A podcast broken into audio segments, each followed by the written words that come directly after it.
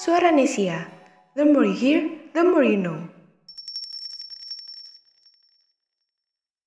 Kita bertahan pakai baju astronot itu bisa sampai 8 jam. Itu biasanya kalau misalnya kena keringat kan muka itu kan biasanya kan gatel gitu kan. Terus itu kayak gimana mas? Mau garuk gitu? Ya nggak bisa, ya garuk di maskernya mau gimana lagi. Belum lagi kalau ngerjain tugas Gila sih. kadang kacamata berembun, Hmm, itu nggak Iya. bisa lihat apa-apa. berasa ini ya, kayak nge-gym gitu ya, Wak. Kayak itu sauna. ah, gym masih keringat itu masih cuma di bagian atas. Ah, aku pernah itu sepatu boot pernah sampai genang air keringat. Gila, di, di balik ngalir air. Mana? Banjir di dalam ya, ada suka dukanya juga sih. Oke, kalau misalnya pas pulang nih ke rumah itu sempat nggak sih kayak dijudge, dijauhin sama orang-orang? Eh, beberapa temenku ya ada yang kayak gitu. Cuman kalau aku sendiri kadang aku pulang tuh nggak ada yang tahu orang-orang tetangga tuh. Nggak pernah keluar juga dari rumahku ya aku sadar diri aku mengisolasi diri sendiri. Cuma teman-temanku ada beberapa yang diusir dari kosannya gara-gara dia perawat di Kutu Iya. juga ada. Wah,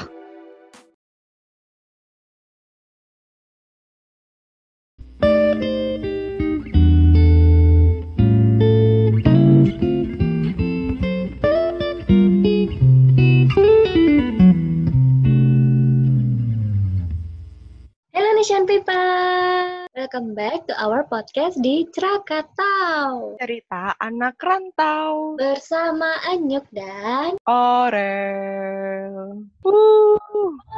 Gila ya, kita nggak kerasa banget loh, Nyuk. Udah self quarantine, nggak self quarantine sih, kita udah quarantine dari bulan Maret, April, Mei, Juni, Juli, Agustus, September, Oktober, November. Hmm, Gila, gila, Mantap. gila. Rasanya tuh 2020 kayak Januari, Februari, November, Desember. woi, tolong Heboh. 2020 skip. Iya, bener-bener. 2019, 2021. Eh, dan memang bukan lagi.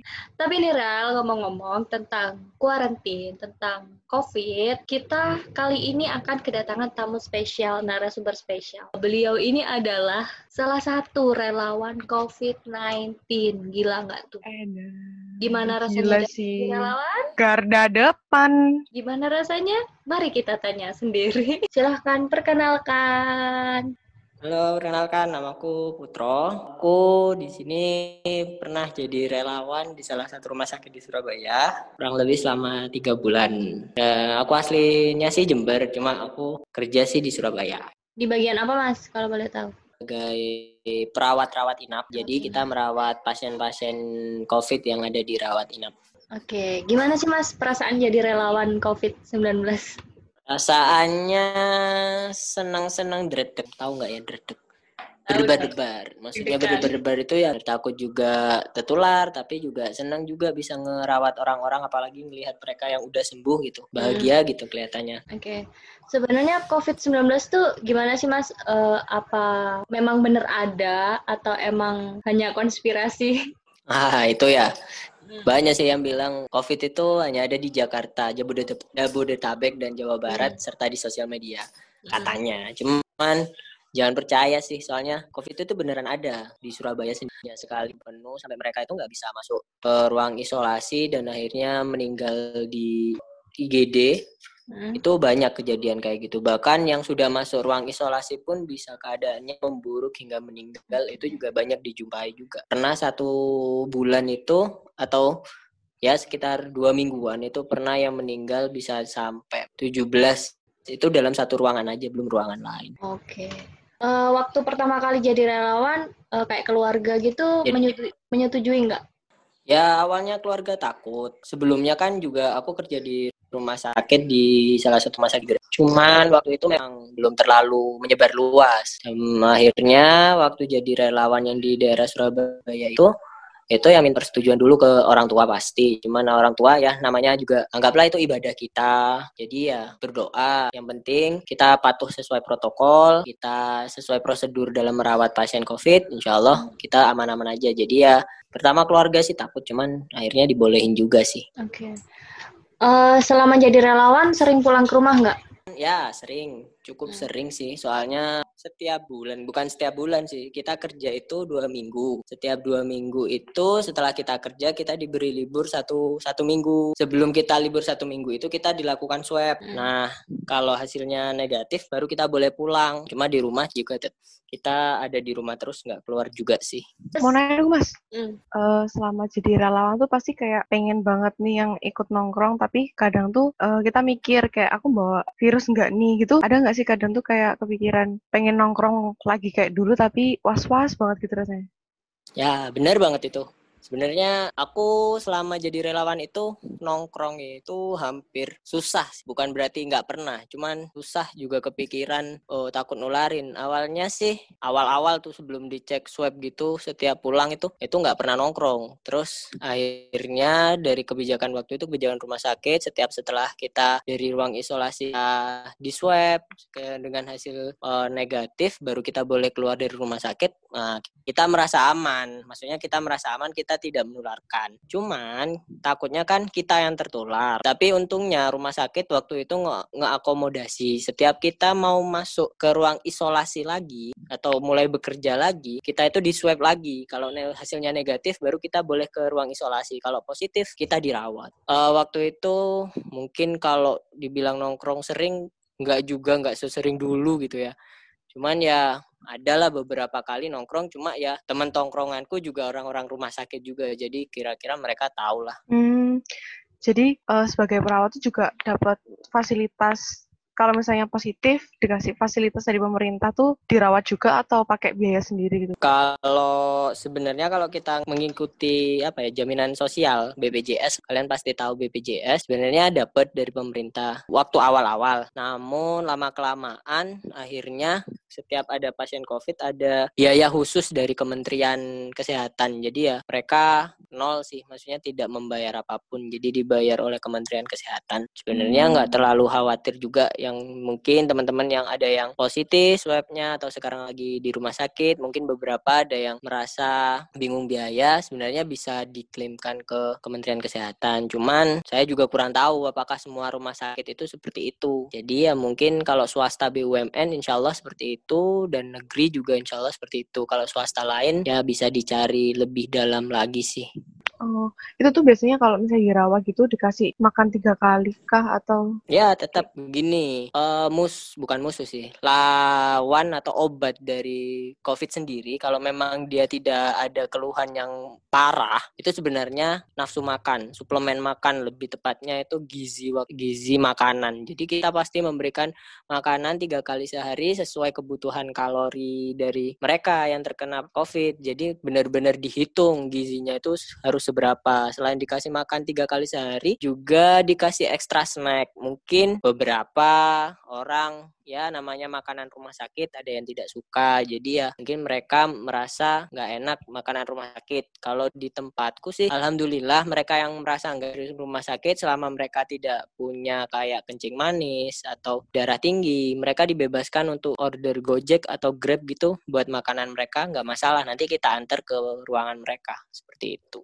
Oh, berarti nggak nggak bukan semenyeramkan itu ya kalau diisolasi ya nggak nggak nggak semenyeramkan. Ya memang menyeramkannya itu penularan virusnya. Menyeramkan sangat ya enggak tapi pe, lebih ke hati-hati. misal kalau iya bener was was karena kan sebelas sebelasnya kita tahu juga mereka positif jadi juga mawas diri aja sebagai pasien hmm. atau sebagai orang yang terkena covid mawas diri kalau mereka bisa menularkan dan masih bisa tertular. Jadi meskipun di dalam rumah sakit di ruang isolasi mereka tetap menggunakan masker, nggak boleh keluar. Tapi untuk makanan atau apa pun selama mereka nggak ada pantangan, bebas-bebas aja sih di tempat. Oh, iya. Aku sebenarnya ini sih Mas, kepo sama gimana sih tugasnya relawan, terus gimana cara kerjanya Mas Putra sendiri tuh, uh, apakah pakai pakaian yang APD kayak gitu atau kayak gimana sih? Kayak baju astronot. Sebenarnya untuk tuh Uh, Ya ya ya.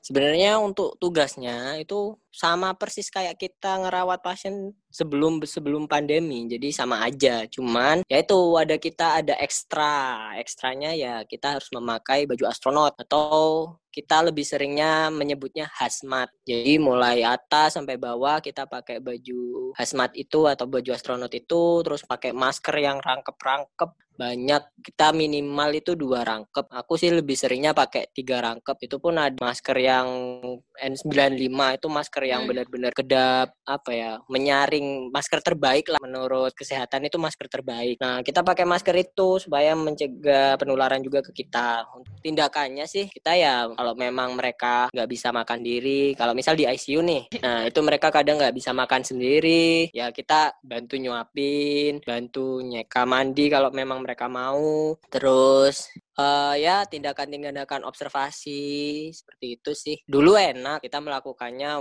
maksudnya nggak nggak secapek sekarang kalau sekarang mungkin capeknya karena penggunaan apa baju astronot itu panas nah, kayak itu tuh panas pengap banyak lah kalau nah kita kerja itu kalau misal nih di tempatku nih yeah. di iya. tempatku itu biasanya kalau secara misal pasiennya itu biasa aja maksudnya sakitnya nggak terlalu parah hmm. kondisinya nggak terlalu parah itu biasanya kita empat jam sekali ganti ganti apa jam itu? sekali wow. ganti orang yang di luar kan ada ruangan yang di, ada yang jaga di dalam ada yang jaga di luar hmm. kita itu biasanya kalau yang sakit itu biasa aja nggak terlalu parah setiap empat jam kita ganti jadi kita menggunakan baju astronot itu kurang lebih empat jam itu tapi kalau waktu di uh, tempat yang ya beberapa banyak pasiennya itu cukup parah, hmm. kita bertahan pakai baju astronot itu bisa sampai 8 jam. 8 ya, lumayan jam. nguras tenaga.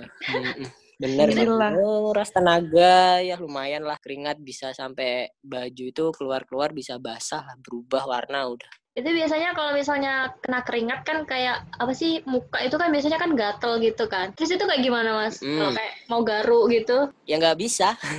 Garuknya kita garuk di apa namanya kan kita juga pakai sarung tangan tuh. Uh. Sarung tangan pun aku biasanya rangkep bisa sampai tiga, dua sampai tiga rangkep sarung tanganku. Hmm. Itu pun kita garuk ya garuk di maskernya, mau gimana lagi. Bahkan mata kita kan ketutup sama kacamata yeah. itu kacamatanya. Uh. Jadi belum lagi kita pakai face shield juga. Ya udah oh kita my. garuk masker itu aja.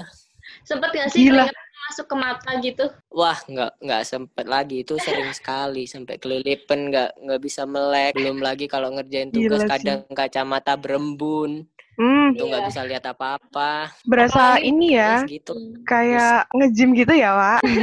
Bener banget. Kayak itu uh, gym masih keringat itu masih cuma di bagian atas. Uh, aku pernah apa setelah lepas hazmat itu semua baju gua basah kuyuk habis kayak kehujanan gitu. Eh dan banjir di dalam ya, Ada suka dukanya juga sih. iya bener banjir di dalam. Itu sepatu boot pernah sampai genang air keringat. Gila, di, di balik ngalir air.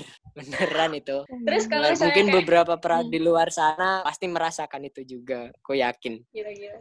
Terus kalau misalnya kayak makan, terus ibadah kayak gitu gimana mas? Kalau sampai 8 jam kerja gitu? Uh, kalau misal kita menggunakan apa hazmat itu atau baju astronot hmm. itu yeah. kita biasanya kalau misal 8 jam kerja kalau memang sholatnya bisa dijama itu kita jama dulu sebelum kita masuk ke ruangan misal kalau dinas sore nih aku dinas sore itu jam 2 sampai jam 9 malam nah itu kita jama duhur sama asar itu kita jama sebelum kita masuk maghrib sama isaknya setelah aku kerja hmm. tapi beberapa temanku juga ada yang tayamum sih tetap oh, pakai iya. baju hazmat itu mereka tayamum di basmat itu yang penting kan najisnya di, di apa dibersihin dulu terus tayamum ya sholat aja kayak biasa. Gitu sih ngakalinnya. Apalagi kalau subuh kan kita nggak bisa keluar tuh. Ya udah kita tayamum aja di di luar.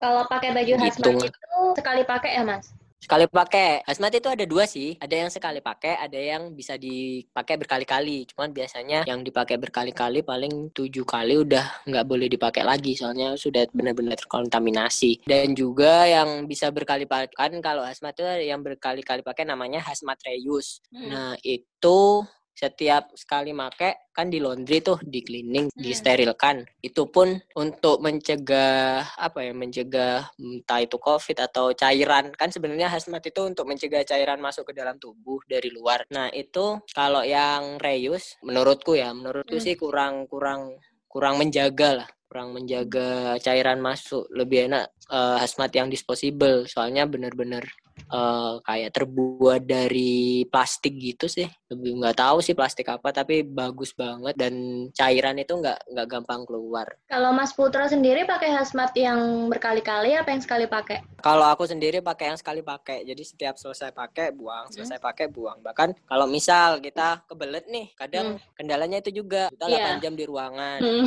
terus kita kebelet. Nah itu ya kita keluar aja. Hazmat buang lah terus kita oh my dulu, god terus lalu pakai baju asmat lagi itu biasanya uh, kalau yes. sekali pakai buang terus limbahnya dibuang ke mana nih mas kalau limbahnya kita setiap rumah sakit itu pasti ada namanya limbah pembuangan medis. Um, biasanya kita kerja sama sih. Beberapa rumah sakit itu biasanya kerja sama sama ada perusahaan yang memang dia menyediakan tempat pembuangan limbah medis untuk operasi maksudnya prosedur di sana gimana ngebuangnya atau gimana itunya kurang paham juga sih soalnya hmm. setiap perusahaan pasti punya ini sendiri prosedur sendiri tapi pasti beda dari pembuangan limbah sampah biasanya memang harus ada kedap udara gitu ya pabrik perusahaan sendiri ya hmm. biasanya kedap udara terus suhunya pasti panas banget yang entahlah hmm. di sana prosedurnya gimana belum tahu juga oke okay. berarti yang baju hazmat yang dis dispos apa tadi mas? Disposable. Yang sekali, disposable nah, yang, yang dis ya disposable. Yang disposable tuh berarti modelnya kayak jas hujan gitu ya? Ya hampir sama, cuma bahannya itu ya lebih ada yang bagus, ada yang ya hampir mirip jas hujan. Cuma kalau jas hujan kan bener-bener plastik total tuh. Mm -hmm. Kalau itu tuh plastiknya gimana ya? Kalau plastik kan lengket-lengket semua gitu kan. Kalau misal kena panas apa kan kayak lengket gitu kan. Kena apa kita kena keringat gitu kan kayak lengket. Kalau itu sih nggak terlalu lengket jadi bahannya dari apa pun pun aku juga kurang paham. Kalian tahu ini nggak sih kain-kain plastik misal kayak bungkus-bungkus kresek cuma yang premium-premium gitu, bungkus-bungkus premium gitu. Oke, okay. itu uh, sebelum sebelumnya kan pernah nih ada kasus di Indonesia tuh kelangkaan APD, langka masker. Ya, nah itu kayak gimana tuh kejadiannya? Ngalamin nggak? Nah, itu oh, yang ngalamin. Rumah sakit tuh pernah sampai masker itu dibatasi penggunaannya. Pernah itu. Dulu waktu di rumah sakitku yang dulu itu pernah sampai dibatasi setiap ruangan harus cuma boleh minta masker sekian gitu. Soalnya kan biasanya kan masker kita minta ya dikasih, minta dikasih. Itu pernah dibatasi. Soalnya emang kelangkaan masker. Nggak tahu sih kalau menurutku pribadi itu uh, politiknya orang-orang ya. Maksudnya pedagang mumpung banyak kebutuhan harga hmm. dinaikkan. Iya benar. Nggak tahu juga sih sebenarnya nggak usah dinaikkan pun mereka udah untung tapi nggak tahu lah orang-orang Indonesia kalau ada kesempatan langsung di, dilejitkan padahal Dan, banyak yang butuh itu kan pernah sempat Terus, viral tuh yang untung, apa? Gimana mas? Iya, iya yang APD itu emang sempat viral. Tapi untungnya pemerintah waktu itu cukup tanggap ya lah ya. Langsung harga ini harus turun gitu. Entah sih sampai hmm. sekarang kelihatannya udah mulai turun juga kan. Iya, udah normal sih. Ini sih aku penasaran juga yang di di Instagram, di TikTok gitu kan ada ada salah satu rumah sakit aku lupa di mana. Itu tuh uh, perawatnya pada pakai jas hujan yang dari Indo April yang warnanya itu merah kuning jadi hmm. langit yang biru gitu loh. Ya, ya itu, itu benar. Juga... Sebelum kita ada hazmat format yang sekarang kita pakai itu kita dulu ada sih ada yang namanya tuh baju operasi baju operasi dulu itu namanya cover all. Ya sejenis cover all gitu. Jadi memang bisa menutup sampai bawah baju operasi itu. Cuma menutup semua kayak hazmat sekarang dan gak kedap juga. Akhirnya kita karena waktu itu pun terjadi kelangkaan juga dan belum diproduksi hazmat secara bebas maksudnya secara besar di Indonesia. Salah satunya pakai itu pakai uh, jas hujan itu. Soalnya jas hujan kan memang udah dipastikan kedap udara cairan gak gampang masuk. Ya itu salah satu apa ya inovasi lah mungkinnya dulu karena kepepet. Jadi memang dulu gitu warna-warni, tapi lucu juga. Bahkan sekarang pun kadang masih ada mungkin sekarang yang masih pakai jas hujan sebagai Biasanya APD-nya mereka. Biasanya puskesmas gitu ya. Aku masih sering lihat Ya bisa. Masih... Sekarang aja tuh masih banyak kok yang pakai kayak gitu. Soalnya ya hazmat sendiri mahal. Hmm. Beneran sebenarnya orang-orang tuh kan kadang mikir tuh uh, enak perawat nggak tahu deh ada sih sisi orang-orang yang mikir kita tuh kerjanya itu kayak gaji buta lah apalah. Hmm. maksudnya mereka sendiri nggak ngerasa kenapa perawat kerjanya kok gitu aja? gitu loh. Dan mereka nggak pernah ngerasain kenapa nggak mereka coba deh pakai baju hazmat selama tiga jam atau dua jam aja? Yakin aku nggak mampu sedikit nggak yang bakal mampu. kuat nggak mampu udah menyerah mereka soalnya aku aja awal awal pakai tuh oh sejam itu rasanya udah pengen tak copot apalagi di Akhirnya Surabaya. Panas sekali. Bener, apalagi Surabaya. Kasihan juga kayak Ja- Jabodetabek, Jakarta. Daerah sana kan juga panas juga tuh. Apa ya, ruangannya itu sebenarnya nggak boleh pakai AC kan. Hmm. Kalau Kenapa? uh, isolasi Kenapa isolasi itu. Soalnya nanti penyakitnya tuh terperangkap, jadi harus ada ventilasinya. Hmm. Ventilasi biasanya ada tuh rumah sakit rumah sakit yang gedung tingkat yang nggak nggak ada jendelanya, jendelanya nggak bisa dibuka. Jadi kita harus macam pakai exhaust gitu, eh, exhaustnya apa ya kamar mandi gitu-gitu, tapi yang lebih besar. Jadi sirkulasi udara itu tetap bagus sehingga bakteri, virus itu nggak menumpuk di aliran udara dalam ruangan itu. Hmm. Jadi ya kebayang juga cuma berbekal kipas sebagai pendingin. Tapi nggak tahu juga sih beberapa rumah sakit gimana. Mereka kan punya prosedur sendiri. Iya, iya. Terus ini kalau misalnya waktu awal-awal corona tuh kan rame nih yang gambar atau tersebar lah foto sama videonya perawat-perawat yang ada di Wuhan gitu. Mereka tuh pakai pakai eh, APD-nya terus ada ditulis-tulisan gitu kayak semangat semangat. Yang di. Indonesia tuh juga kayak gitu apa enggak? Bener, itu udah kayak gitu sampai ada sebenarnya rumah sakitku sebelum aku masuk sih mereka itu katanya pernah bikin nggak tahu TikTok nggak tahu apalah sempat viral juga sempat masuk TV lah ya itu ada tulisan saya ya semangat teman-teman atau ada yang bikin pesan-pesan buat keluarganya ada yang kan mereka jauh dari kebayangin dua minggu diisolasi mereka jauh dari keluarga. jadi ada yang bilang tunggu tunggu Entar, misal nih ibunya tunggu ibu di rumah ya anak-anakku gitulah. Iya benar-benar. banyak teman-teman yang bikin ya terus ada juga yang kayak kritik mereka itu kan ada juga orang-orang yang nggak percaya kan. Hmm. ya udah bikin tulisan yang mengkritik mereka yang nggak percaya gitulah ya kita pakai tulis-tulisan juga buat ngilangin bosen juga sih sebenarnya itu dan Biar buat kita semangat juga Eh, jauh dari keluarga gitu kan, jauh dari keramaian. Terus kita kayak misalnya mau ke tempat orang ramai itu kayak takut gitu kan. Pernah kayak Mm-mm. ngaruh ke ngaruh ke psikis nggak?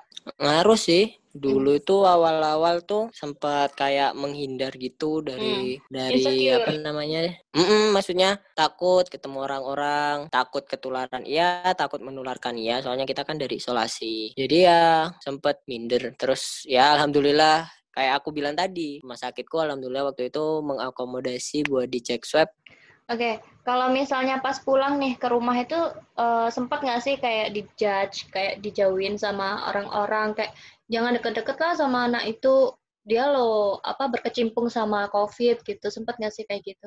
Eh, beberapa temenku ya ada yang kayak gitu. Cuman kalau aku sendiri kadang aku pulang tuh nggak ada yang tahu orang-orang tetangga tuh. Soalnya aku pulang biasanya nyampe rumah tuh kan malam jarang deh. Terus nggak pernah keluar juga dari rumahku ya aku sadar diri aku mengisolasi diri sendiri. Cuma teman-temanku ada beberapa yang sampai ada yang diusir dari kosannya gara-gara dia perawat juga tuh Ya. juga ada Wah, Kan sempat kan kayak viral kayak gitu, berita kayak gitu. Mm-mm, ada tuh temanku kayak gitu gila. Aku mau nanya dong, gimana nih perasaannya udah eh, apa sekarang Ya. kan udah kelar nih, maksudnya kelar kontrak kerja jadi relawannya. Nah, gimana nih perasaannya lega atau gimana?